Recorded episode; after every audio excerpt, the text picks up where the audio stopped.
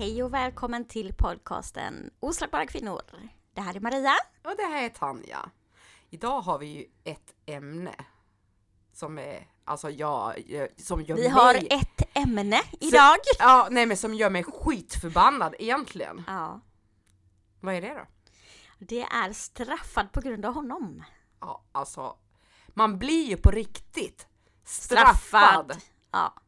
Så det som gör mig mest förbannad av allt, Mm. att eh, det är att han kan fortsätta leva ett normalt fucking jävla liv. Mm. Och det är vi som blir straffade som är våldsutsatta kvinnor. Ja, liksom det, att det brister så mycket i vårt samhälle och i det här landet där väldigt många våldsförövare inte får så långa straff eller inga straff överhuvudtaget. Och att det är kvinnan som blir straffad istället. Och Det- inte bara det. Alltså jag hade inte ens möjlighet att kunna göra en anmälan. Nej, Så det är inte det. Liksom, det han kan ju fortsätta leva. Vad fan hade jag för bevis? mm. Nej, det För han var ju smart. Var han ju. Mm. Jag har ingen ljudinspelning. Jag har ingenting sånt. Men det skulle du tänkt på när du blev misshandlad. Nej att du ska filma när du blir mördad. Ja, ja, precis. Annars, annars finns det inte. Det räknas inte i Sverige. Fan vad dum jag var. Ja. Men det är där jag känner man var dum i huvudet som var kär i fel man. Mm. Alltså Vi- man, på riktigt. ja, ja, vi sitter här som två tuntar nu liksom. Träffade fel man.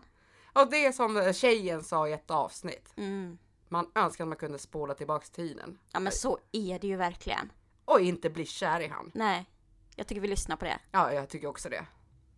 Ska jag göra när jag har varit ekonomiskt våldsutsatt? Vad ska jag göra? Ska jag bara...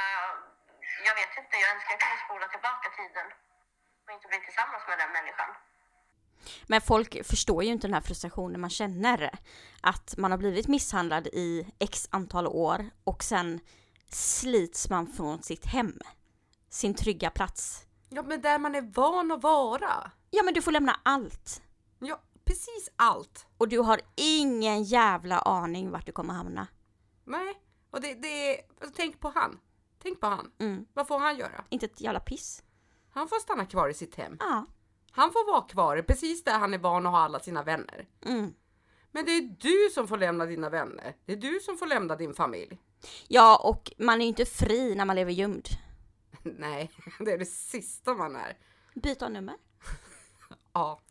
Alltså, jag bara vill- det och skicka till alla myndigheter, bara det blir ju ett projekt Ja i men sig. alla vänner och familj och vem ska du skicka det till? För att vem kan du lita på? Ja. Du måste vara 10 000 liksom eh, procent säker på att den här vännen kommer inte läcka detta. Nej. Nej. Och eh, jag var där men jag har tappat räkningen hur många gånger jag bytt nummer. Det har läckt så många gånger. Nej men fy. Det får ju inte gå till så heller. Nej men så går det till Tanja. Det kan jag tala om för dig. Det är sinnessjukt. Jag kommer ihåg bara det, liksom att när jag var ute och gick med hunden. Jag skannade av hela tiden Mm. efter viss färg på bilen. Ja. Alltså, för att kunna se om jag kan gå här. Mm. Men då får man ju också poängtera att han kunde lika väl byta bil. Ja, men det. Ja, då hade jag varit körd säkert. Det gjorde mitt ex. Gud vad roligt för dig. Ja, nej, jag, jag kunde inte ens ha min hund för att mina föräldrar fick ta den. Jag, jag kunde inte gå ut och gå. För att det var ju då han följde efter mig många gånger. Ja, för de vet ju ens rutiner. Mm. Det är ju det Ja, som är det farliga. ja. Maria, kommer du ihåg den där rädslan man hade när man hade lämnat? När du skulle vara ute utanför ditt skyddade boende? Nej men jag var inte rädd. Snälla, jag är Sveriges räddaste tjej. Ja. Och det gör jag ju fortfarande, tyvärr. Ja, precis. Jag hoppar ju högst bara någon säger hej till mig.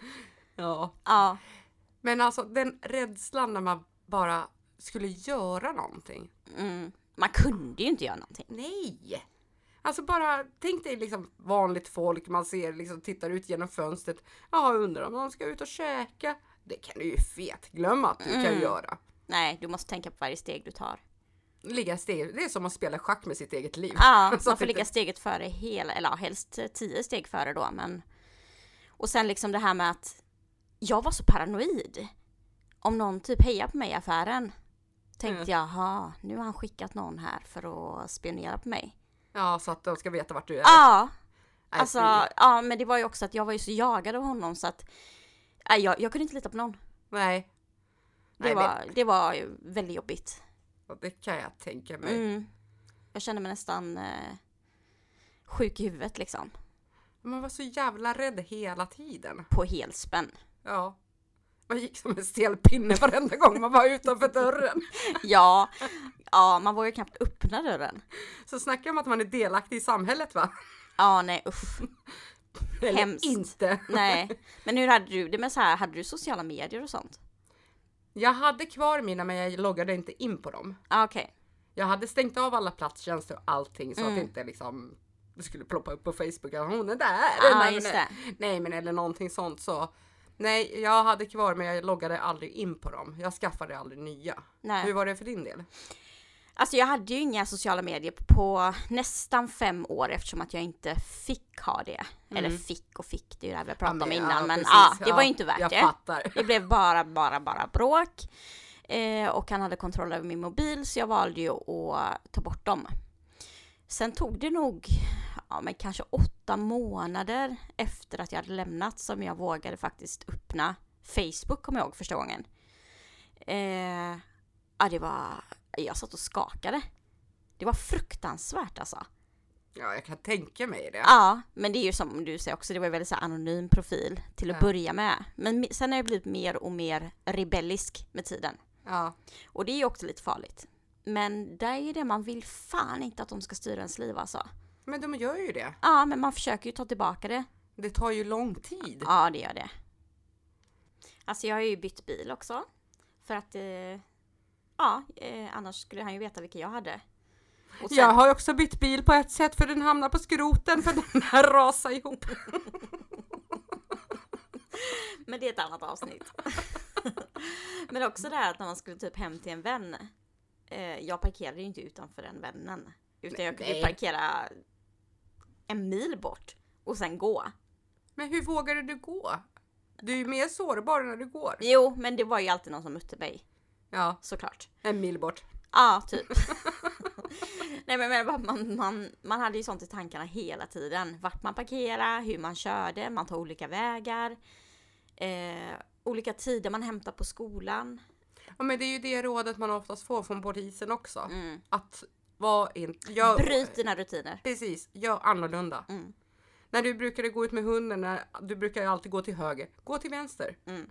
Alltså det är sådana tips man får och det är jätteviktigt. Jo, och det är egentligen faktiskt som du säger där, det är ju det allting går ut på. Det är att bryta sina rutiner. De vid tyckte att jag skulle sluta, vad heter det, att jag skulle åka till mitt jobb. Mm. Och jag kände så här liksom att Nej, vet du vad, för jag Alltså, jag är säker. Du har ju ett livsfarligt jobb. jag, Det ska ni veta. nej, men jag kände mig säkrare på jobbet. Ja. Ja, men du åker kommunalt. Ja, men jag står på en busshållplats där folk är vana att göra vissa saker. Ja, Så, nej, jag var inte rädd att åka kommunalt nej. med mina kollegor. kan jag säga. Det förstår jag. Jag hade ju varit rädd att Så stå jag på den tyckte det bara, alltså när jag fick det rådet Ja. att jag skulle kanske ta en paus från jobbet. Jag bara, men va? Alltså, De är ju tränade ja, alltså för förövare. jag bara, va? Varför det? Ja Ja. men eh, säkerhetsrisken. Jag bara, men seriöst? Ja. Ändå visste de vad jag jobbade Han hade ju med. haft liksom tio pers på han. Fängsla han. Det, det är inte så att man står ensam på den här Nej. busshållplatsen heller. Nej.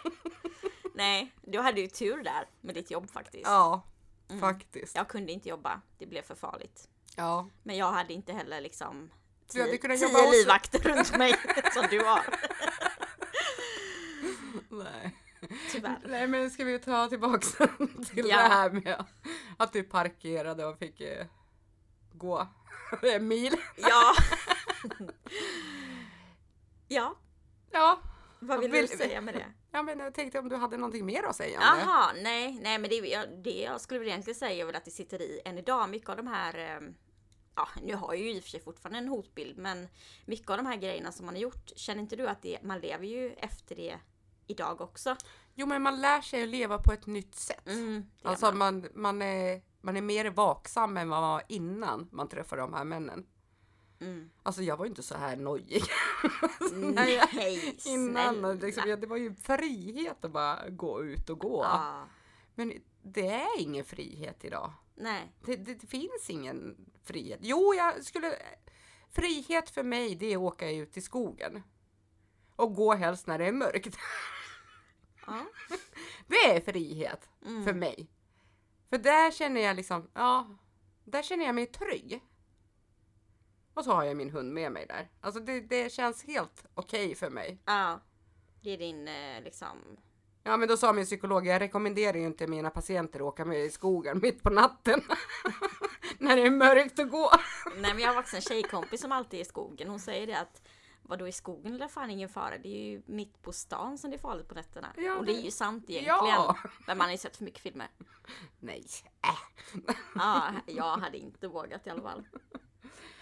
Men jag kommer ihåg den här känslan när man... eh, Jag kommer ihåg min lägenhet liksom att jag trivdes så bra i den. Och jag var så trygg i den. Men liksom den här känslan när man har packat ihop sina väskor och flyttkartonger överallt och man visste inte vart man skulle hamna. Och jag blev ivägskickad där en sväng. Mm. Eh, åt helskotta. Och den här känslan av att ens hem, det är inte längre ens trygga borg. Mm. När du vart ivägskickad där, var det då du fick skyddad identitet och fick du någon besöksförbud mot honom eller? Mm, ja men det fick jag. Jag fick kontaktförbud ganska Ja. snabbt där. Eh, men det är ju bara en papperslapp egentligen. Ja. Som han pissade på. För Ja. att eh, han hade ju rätt många överträdelser. Men eh, vad hände med det då? Ingenting. Nej, alltså de får en liten reprimand, en tillsägelse. Och sen, det händer ju inte mycket mer med det. Men Då är det ju verkligen som en papperslapp Ja. egentligen. Det är det. Alltså jag kan tänka mig att vissa förövare kanske respekterar det. Och tycker att det är en stor sak. Ja, att de försöker kanske skrämma dem. Att eh, liksom, nu har du det här, liksom, då kan inte du göra det. Det är ett brott om du Ja, liksom ja, men bryter sen- det. Men har man ingenting att förlora, som kanske mitt ex då, Mm, då bryr man sig kanske inte så mycket om den här papperslappen. Nej. Utan då är det viktigare att eh, trakassera mig. Såg du det som en papperslapp då själv? Ja, det gjorde jag faktiskt. Fast eh, Kanske inte i början eller? Alltså, på ett sätt var det en trygghet för att... Eh, men det är också det här eget ansvaret man har med att inte stanna kvar i hemmet. Att man liksom flyttar, att man agerar, att man är försiktig. Eh, I samband med det här kontaktförbudet Mm. eh, så blir det ju en trygghet. Och sen också att när jag ringde till eh, 112 så kom de ju på två röda. Så att de ser ju i liksom datorn att jag har kontaktförbud och då prioriterar de verkligen det larmet. Ja. Så det måste jag säga, det var ju en otrolig trygghet. Mm. Det var inte så att det tog en timme innan polisen kom liksom.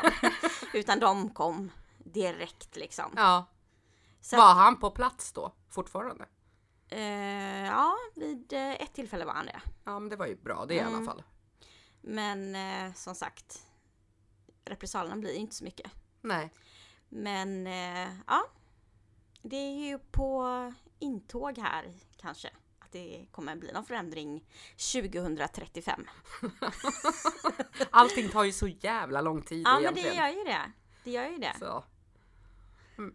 Men om vi går tillbaks till skyddade ID, det var ju samma veva det också. Mm, jo men det var det. Det var ju när jag, i samband när jag flyttade som jag fick det. Mm. Eh, och det tycker jag faktiskt är en, en ganska stor trygghet ändå. För att i Sverige är ju personuppgifterna offentliga. Sjukt nog. Ja. Det, det är inte många andra länder som har det så. Nej, men Sverige har det så. För att vi är ett sånt tryggt land. Åh gud ja. Mm. Det ser man ju på nyheterna. Verkligen. En kvinna mördas var tredje vecka i Ja. Sverige. Men eh, där i alla fall så, det är ju rätt, alltså det är ju ofta myndigheter som röjer. Ja, där, där måste de ju göra någon ändring. Ja, Alltså det måste ju liksom handskas på ett helt annat sätt än vad det gör idag. verkligen. För att det, det så ska det inte vara. Min adress blev röjd under förhandlingen i rättegången. Faktiskt. Oj, Ja, av åklagaren. oj. Så att där blev ju ytterligare en flytt. Ja. Men... Vem eh, bekostade den flytten? Åklagaren eller? Nej, det var jag själv. Och du fick ingenting Nej. för det? Nej, alltså jag, jag, jag, kan, jag har inte heller anmält. Jag har, eh, Nej men man är mitt uppe i sitt och liksom det är så mycket annat som man måste tänka på. alltså Bara gå med, igenom en rättegång så. Ja, de var ju medvetna om det. Eh, det roliga var att domaren där inne, Eh, för att det var ju bakom stängda dörrar just den här eh, sekvensen och detta hände. Och då sa domaren att, ja ah, okej, men nu är det bara i alla fall vi här i rummet som vet adressen. Och min förövare satt där och bara hånflinade. Med min adress på stor bild. Men de fatt, de inte att den enda i det här rummet som jag absolut inte vill ha min adress, eller i liksom hela världen, det är ju just han! Ja, alltså sjukt! Alltså något så alltså- urbota dumt. Ja men hur kan man ens vräka ur sig en sån kommentar? alltså jag fattar inte. Nej, alltså, hela den rättegången, det enda jag kommer ihåg från den, det är hur jag bara satt och tänkte liksom, det här är en mardröm, det här är en mardröm, det här är en mardröm, han har fått min adress nu. Ja, När jag, när jag så här länge har levt gömd Mm. och liksom gjort allt i min makt för att han inte ska hitta mig. Så blir jag rum, röjd på en rättegång där jag är offret. Ja, men det, alltså, jag, jag saknar ord. Alltså det, det får ju, sådana misstag får ju absolut inte ens ske. Kände mig kränkt. På Ja. riktigt alltså. Ja. Ja men som du själv sa, liksom, där hade du kämpat med allt Mm. och ändrat ditt liv Mm. helt och hållet. För att inte han ska hitta dig. Mm. Så står det Och på sen en ska jag få min lilla upprättelse. Ja, så står det på en stor skärm. Ja. Nej men alltså. Jag har inga ord. Nej, nej jag förstår Nej men det får inte gå till på det här sättet. Nej, det får det absolut inte Otroligt göra. slarvigt. Otroligt slarvigt. Ja. Mm. Osmakligt. Ja faktiskt. Men det är ju ett litet helvete att leva med skyddad identitet.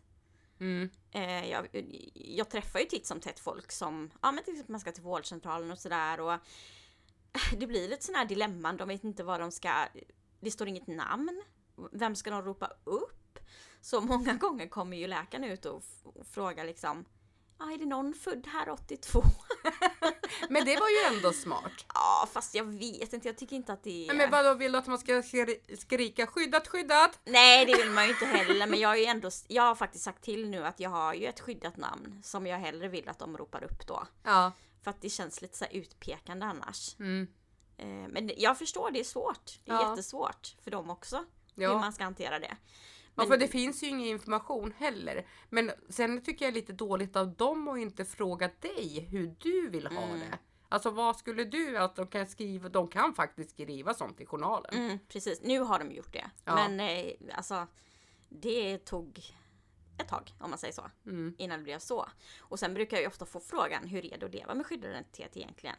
Ja. Ja men det är ett helvete, brukar jag säga. Mm. För att allting blir hundra gånger jobbigare. ja. När nu skickar nästa läkarbesök till mig på per post så får jag den när det har varit. Ja men det är ju så. Ja. Ja. Och de bara, men då kan du gå in på 1177 och få där. Nej men jag kan inte det för jag har skyddad identitet. Ja. Så att nästan ingenting på internet fungerar ju. Nej. Utan det är liksom, man finns inte. Men det är ju, det är ju värt det. Ja absolut, Ja, absolut. Det är en trygghet, det är det Ja. faktiskt. För annars att, kanske eh, du inte skulle sitta här idag. Det hade jag inte gjort. Nej. Definitivt inte. Så det är jag tacksam för att du har faktiskt. Ja. Att det finns den hjälpen för Mm. de som behöver det. Jo, det, det är ett bra... Det är en bra sak att ta till när man lever under hot. Mm. Sen är det inte så lätt att få det. Det kräv, krävdes ganska mycket. Alltså det var ju mycket pappers eh, jobb. Mm. De vill ha in underlag från polisen, från kvinnojour, alltså sen ska man skriva ett eget brev. Och sen Mm. är det en person på Skatteverket som ska ta ställning till det här. Så att det är inte säkert du blir beviljad heller. Och den, det den är inte rolig heller. Nej. Nu behövde jag aldrig oroa, oroa mig för det faktiskt. Mm. Men man har ju ändå alltid en oro. Mm. Och det här är ju ännu ett straff man får. Ja, på grund av honom. Ja, som våldsutsatt kvinna. Det, det, är jag som får leva med skyddade personuppgifter. och det är du som får liksom räkningar på grund av att du inte kunnat gå på läkarbesök och allt det här. Mm. För att du missade liksom viktiga tider som blir skickade per post. Ja men beställa bara, alltså jag har ju alltid liksom kunnat beställa kläder till barnen på nätet Mm. och sådana grejer. Ja, men det blir ju dyrare också liksom vad handlar om i affären. Ja, För det är sant, det är billigare på nätet. jo men det är det ju. Och man har ju inte den här valmöjligheten heller. Nej. anledningen att man får det här skyddet är också att det är ju aldrig så farligt som när man lämnar en våldsrelation. Nej men det är då de är som farligast. Ja, det är ju det, för då tappar de kontrollen. Ja, för det enda de vill ha det är ju eh, kontroll över en. Precis, och det här liksom som ja, men vi också hörde den här tjejen säga. Att om inte jag kan få dig, då ska ingen annan heller få dig. Precis. Och det är livsfarligt. Men eh, alltså om man tänker liksom, det är inte bara därför egentligen om jag tänker på ditt fall. Du har ju ändå haft skyddad identitet i flera år. Mm.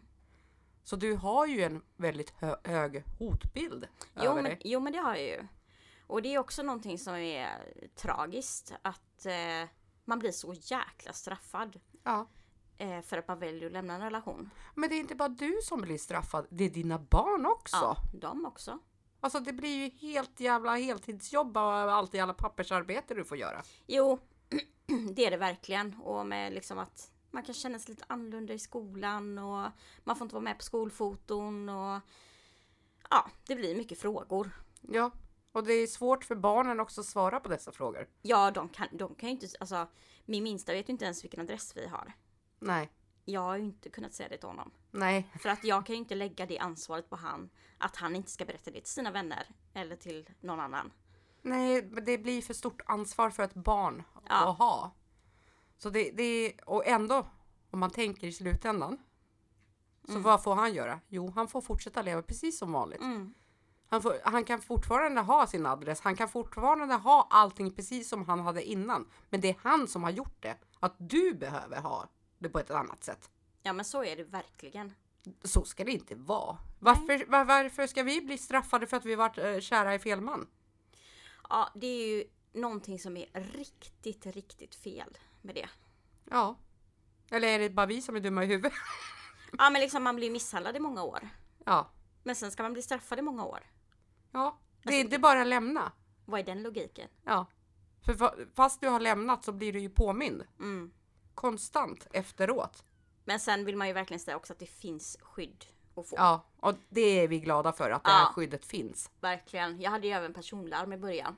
Mm. Och det är också en trygghet. Så att alltså, det är krångligt, det är jättejobbigt, man blir straffad.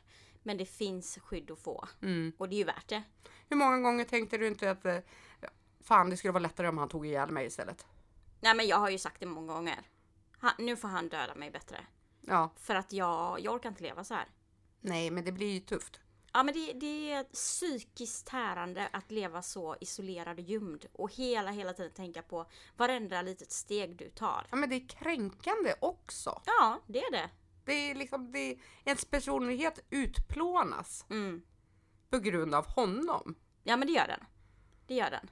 Och samtidigt som man då vill försöka ta tillbaka sitt liv. Eh, men det kan ju bli farligt. Mm. Du vet inte hur du ska ta tillbaka ditt liv heller. Nej, och att du behöver ju liksom hitta tillbaka till dig själv också. Mm. Samtidigt. Som du är traumatiserad. Ja, men glöm inte alla paragrafer som du måste leta fram med myndigheter också. Mm, För att tjafsa med dem. mm, du älskar myndigheter. Gud ja. Du vet hur jag blir då. Ja. Nej, fy fan alltså. Där kan vi också gå tillväga på lite olika sätt. Du fick ju hjälp via socialtjänsten. Ja, Jag fick ju inte det. nej. Nej. Så att, eh, eller det var inte att jag inte fick, men jag vände mig inte dit. Utan jag eh, löste det på egen hand. Mm. Jag försökte lösa mitt innan. Jag Mm. försökte leta efter lägenhet och allting innan jag lämnade. Mm. Men sen var det inte planerat. Jag, var inte, jag hade inte planerat att lämna honom. Utan det bara vart så. Mm. Jag fick ju panik när jag skulle åka tillbaks. Och då fattade jag att någonting var fel. Ja, Och det var då jag tänkte jag, att jag hörde av mig först till Kvinnofridslinjen. Och sen var det liksom till, fick jag ju nummer till kvinnojour. ja, och sen slog den på stora trumman där. Ja, Mm. så det var ju liksom, det var ju inte alls planerat. Nej, Och det var därför jag fick eh, skyddat boende. just det. Av den orsaken. Mm. Jag löste ju en skyddad lägenhet eh, via kontakter kan man säga. Men hur hade du det med, med det i den staden du bodde i då? Ja men jag åkte, ju- flyttade ju ner till hans hemstad. Just det. Och jag kände ingen där. Nej, du var helt ensam. Ja, jag hade precis börjat eller jobbat på ett nytt jobb i några månader så jag kände, jag kände ju inte kollegorna på det sättet. Att man hade bildat vänskapsband. Nej, mer ytligt så. ja, precis. Så ju- det var ju därför liksom jag var... Hej, kan jag få bo hos dig? Ja. Nej, men det var därför jag var tvungen att gå den vägen. För att jag hade ingenstans att ta vägen. Just det liksom att jag kommer ihåg bara de gångerna när han tog eh, liksom slet den i armen och skulle sl- skicka ut den. Mm.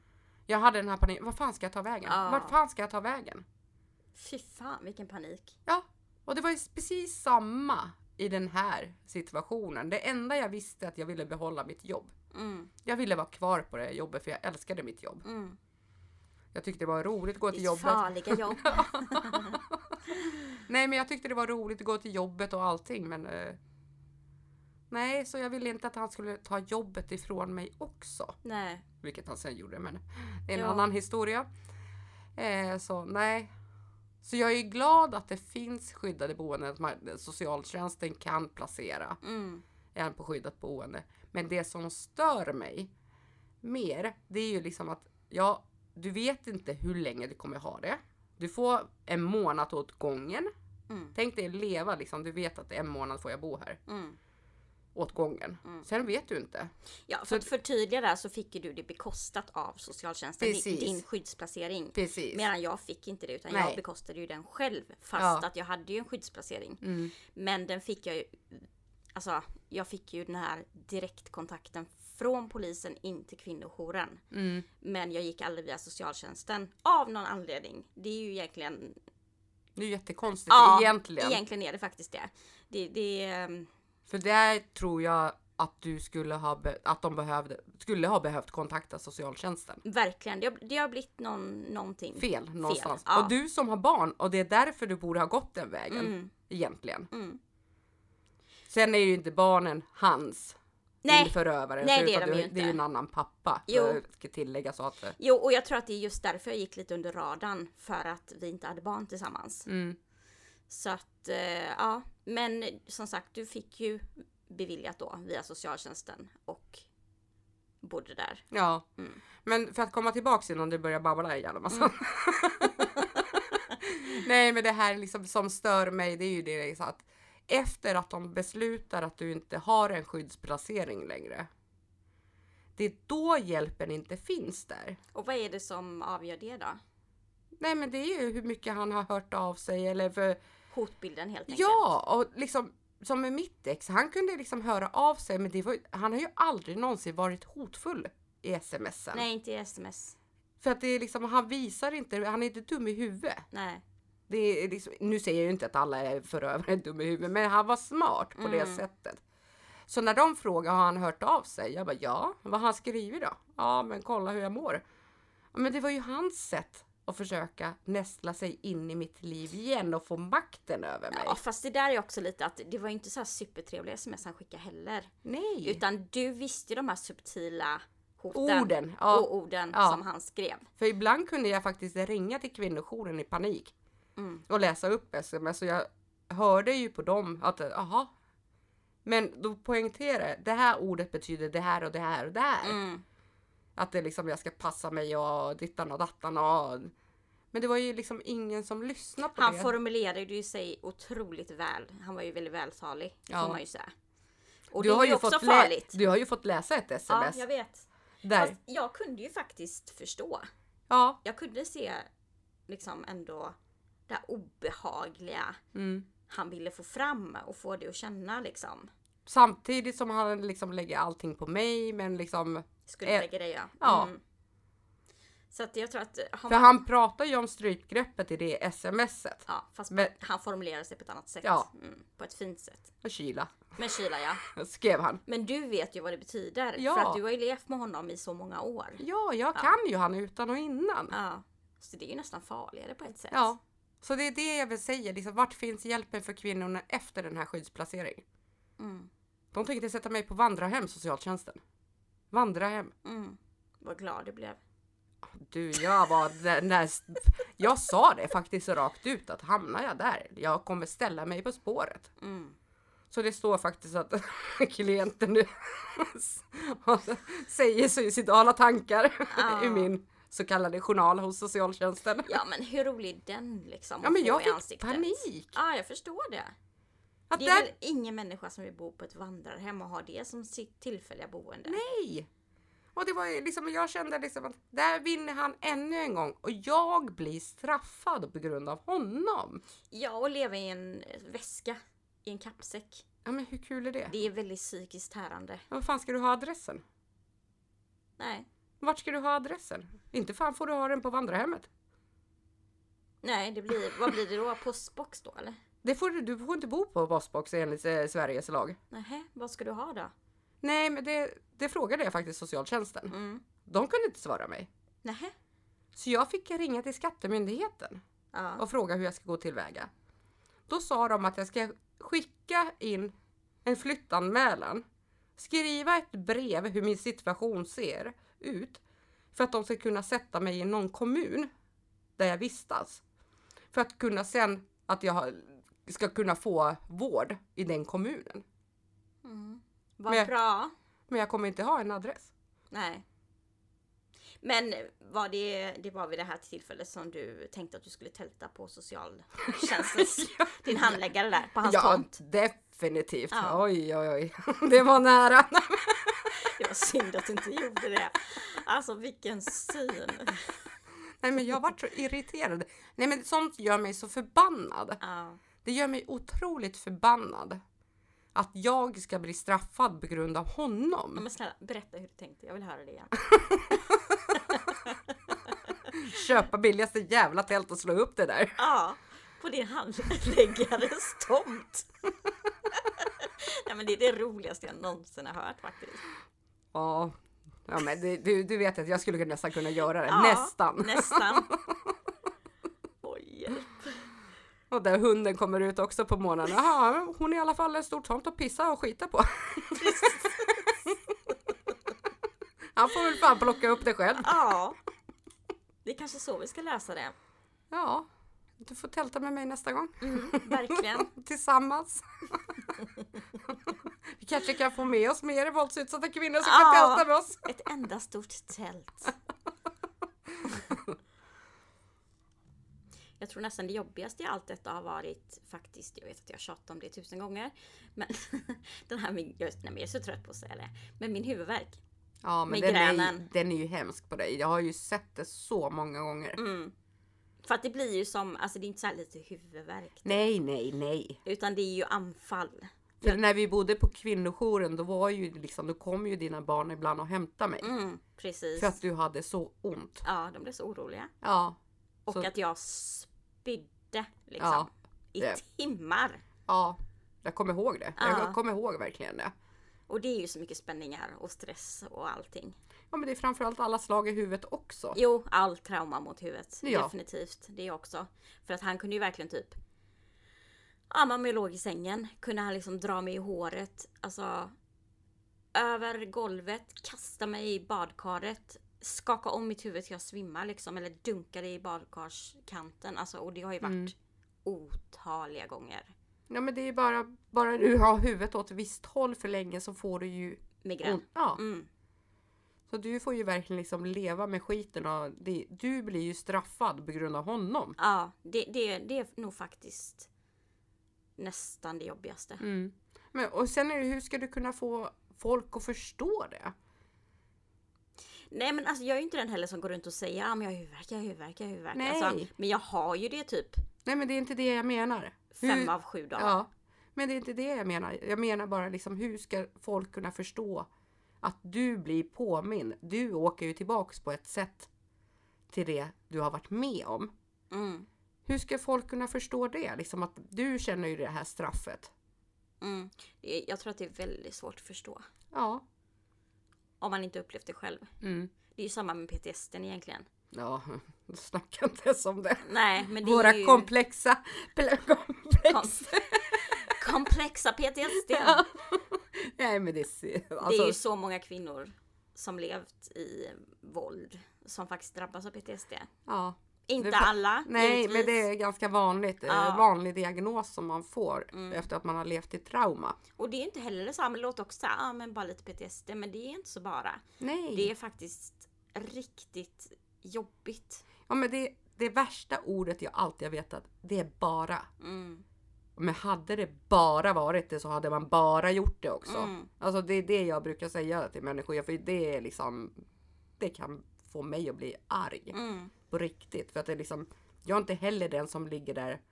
Ja, det är stackars mig eller någonting sånt. Nej, Nej. Det, det är inte jag. Jag vill vara en del i samhället. Jag vill vara normal. Men det är han som har gjort mig så här. Mm. Så det är jag som blir straffad, precis som du blir straffad på grund av ditt ex. Ja, och det här liksom... Jag kommer ihåg det för mig. Jag har ju känt så mycket värdelöshetskänslor. Just det här med hälsan. Att jag känner liksom att det är inget värdigt liv. Eh, och att jag liksom kanske anklagat mig, mig själv väldigt mycket. Men jag vet att en på kvinnojouren sa till mig att skulden ska ju ligga där den hör hemma. Och det är Mm. hos honom. Och det försöker jag nästan varje dag tänka i huvudet Mm. att nej, skärp dig nu Maria. Alltså, det är faktiskt inte du som har misshandlat honom. Utan Nej. det är jag som har blivit utsatt. Mm. Och ja, men det tycker jag är viktigt. Det, det, det kommer jag bära med mig Mm. faktiskt. Det... ehm, Nej, man blir sjukt straffad alltså. Du blev ju också väldigt straffad med din hund. Ja, när jag var tvungen att lämna bort henne i början. Mm. Och hon är ju min ångestpiller Mm. egentligen. Hon är ju den som alltid har fått mig att liksom kliva upp ur sängen och få mig på bra humör. Nej men jag tror inte ni förstår. Alltså Tanjas hund är allt för henne. Det är hennes liv. Det Ja. är hennes bebis. Alltså allt. Du går men- inte ett steg utan henne. Nej, jag gör inte det. Nej. Det är liksom till exempel mina Hon svåra... är inte ens i ett annat rum än vad du är. Hon är med dig hela tiden. Ja. ja, men det är min PDSD-hund också. Ja. På ett sätt för att det liksom går jag och handlar så lämnar jag ju liksom, jag, jag klarar inte av att gå och handla om inte hon kan följa med. Nej. Och nu menar jag inte in i butiker för det finns inte sådana butiker i Sverige Nej. där man får ta in eh, ens PDSD för hon, inte, hon har ju inte den resursen liksom. Ja, har den selen. Nej, men, Nej. men annars liksom att hon står utanför, bara det är en trygghet för mig. Mm. Det förstår jag verkligen. Jag kan inte åka kommunalt. Nej. Det går inte. Varför? Med PDSD. Det är på grund av honom. Ja. Jag kan inte exakt sätta fingret på varför. För det har jag liksom försökt komma underfund med hos psykologen. Ja. Men du får panik. Ja, det går inte. Nej. Men det kan jag förstå för att det är ju också, alltså. Jag tycker också att det är jobbigt att vara i en omgivning där det är främmande människor. Mm. Du vet inte om han finns där. Nej. Och sen om du ska stängas in till exempel på en buss eller tåg. Mm. Man måste ha flyktvägen Ja. färdig. Precis. Vadå, jag kan inte dra i nödbromsen. Nej. Bara, nu ska jag av, bara för att jag har PDSD. Nej, nej men jag menar så Nej, jag, jag kan förstå Ja. din känsla faktiskt. I det. Så jag är inlåst i den där jävla bussen eller tåget. Ja. Jag Jag, hade aldrig överlevt utan min bil. Nej. Det, det, Så jag vart ju handikappad på grund av att inte, på grund av att min bil gick sönder. ja. Alltså jag har varit verkligen handikappad. Det är som att ta bort kryckorna från den som har brutit benet. Mm. Försök gå då. Ja, nej det går ju inte. Så det var min krycka. Ja, jag tror också att det är viktigt att man liksom Ja men inte är för hård mot sig själv och inte slår för mycket på sig själv för det är väldigt lätt att göra det. Mm. Utan att man faktiskt Jag är specialist på det. Ja, Jag är specialist på att slå på mig själv. jo men det vet jag. Jag brukar Det- säga till ibland. Ja, jag vet. Men att man tar det liksom i sin takt. Mm. Och det, man blir straffad. Ja. Det är det jag vill säga egentligen. Mm. Och det är ingenting som kommer liksom gå över på en natt. Sen finns det ju ljusglimtar i det här som vi har varit med om. Mm. Det, det måste vi också ta upp. Vi hade inte suttit här. Nej vi hade inte träffats överhuvudtaget om vi inte hade bott på skyddat boende. Så det liksom det får man ju tacka för. Alltså Ja. att man har fått det i alla Det är fall. mitt största misstag. Ja verkligen och sen också all personal Ja. eh, på kvinnojouren såklart. Ja men de gör ju ett otroligt jobb. Ja. Alltså de, utan dem, liksom, det är de som kämpar för kvinnorna som är våldsutsatta. Det är inte socialtjänsten. Nej. Och de är kunniga. Ja. Och de brinner ju för det de gör. Precis. Ja, alltså de, de är guld i dem. Ja. Och många gånger får de faktiskt jobba i motvind. Vem är det som lyfter upp dessa kvinnor? Mm, det är ju kvinnojouren. Ja. Mm. Och det är det liksom myndigheter inte förstår. De fattar inte vilket jobb de gör. De förstår inte riktigt hur mycket jobb de lägger ner på en människa som är så trasig. Mm. Jo, de är verkligen, de borde få mycket mer uppskattning och mer resurser. Ja, Definitivt ja alltså. för utan dem hade vi inte vi suttit här. Nej, det hade vi inte. Då hade vi säkert legat i graven eller någonting. Nej, Ja. alltså utan kvinnojourer hade vi inte liksom kanske levt. Nej. Och sen eh, polisen måste jag också säga. Mm. Alltså jag, jag vet att folk säger att ah, men polisen i Sverige gör inte ett skit. Men jag håller inte med om det för att Nej, för poliserna liksom, de är ju också fastbundna på sitt sätt. ja, de På är ju grund, av, ja, på grund av lagarna. Mm, det är, är det. lagarna som måste ses över. Det är politikerna som brister. Ja, och polisen rår ju inte för hur lagarna ser ut. Och det Nej. sa jag faktiskt till en av mina en utredare på grova brott där. Att jag tycker ni har gjort allt i er makt. Och Ja. lite till. För mig. Ja. Jag har ingenting att anmärka på där. Sen att liksom lagarna ser ut som de gör. Ja, men det är ju en helt annan sak. Det kan ju inte Mm. de hjälpa. Nej. Men de har faktiskt gjort allt. Så att jag, jag tycker att de har varit, förutom kvinnojouren, ett enormt stöd för Mm. mig och min familj. Mm. Det måste jag säga. Ja men det måste man lyfta att det är liksom många gånger är det inte polisernas fel utan det är liksom på grund av lagarna som du Mm. säger och på grund av politikerna som inte gör någonting åt saken. Ja, och sen alla eldsjälar, liksom de här ideella kvinnorna och så. Som ger sin egen tid. Ja, sin fritid. Ja. Till att hjälpa. Ja, och liksom, ja men sätta lite, eh, vad ska man säga, ja men en ljusglimt till oss utsatta. Ja bara det att de förstår liksom att tänk den här kvinnan känner inte mig men hon bryr sig. Mm. Hon ger sin egen tid till att göra det, det här med mig eller sitta här och bara prata med mig eller vad som helst. Bara Mm. det där lilla. Man känner ju liksom när man kommer ur de här förhållandena, man känner att man inte är värt ett piss. Nej. Men det kan jag också känna liksom att det som varit så roligt med podden, att lyssnarnas reaktioner och hur många som faktiskt har förståelse. Mm. Det tycker jag är, för det är egentligen det mest läkande tror jag. Att få förståelse Ja. från omgivningen. ja. Men för mig är det liksom att för en gångs skull blir jag hörd. Mm, Alltså nu får vi berätta våran story. mm, Och det är liksom ingen som kan avbryta. Det är ingen som kan säga att det är fel att tänka så. Det är fel att känna så. nej, som kan tysta dig. Ja, nu blir vi hörda. Mm. Och kanske kan vi hjälpa andra kvinnor. Ja men det är ju vår förhoppning. Ja, Det är det ju. För att det här är ett, det är ett folkhälsoproblem i Mm. Sverige. det är det. Mm.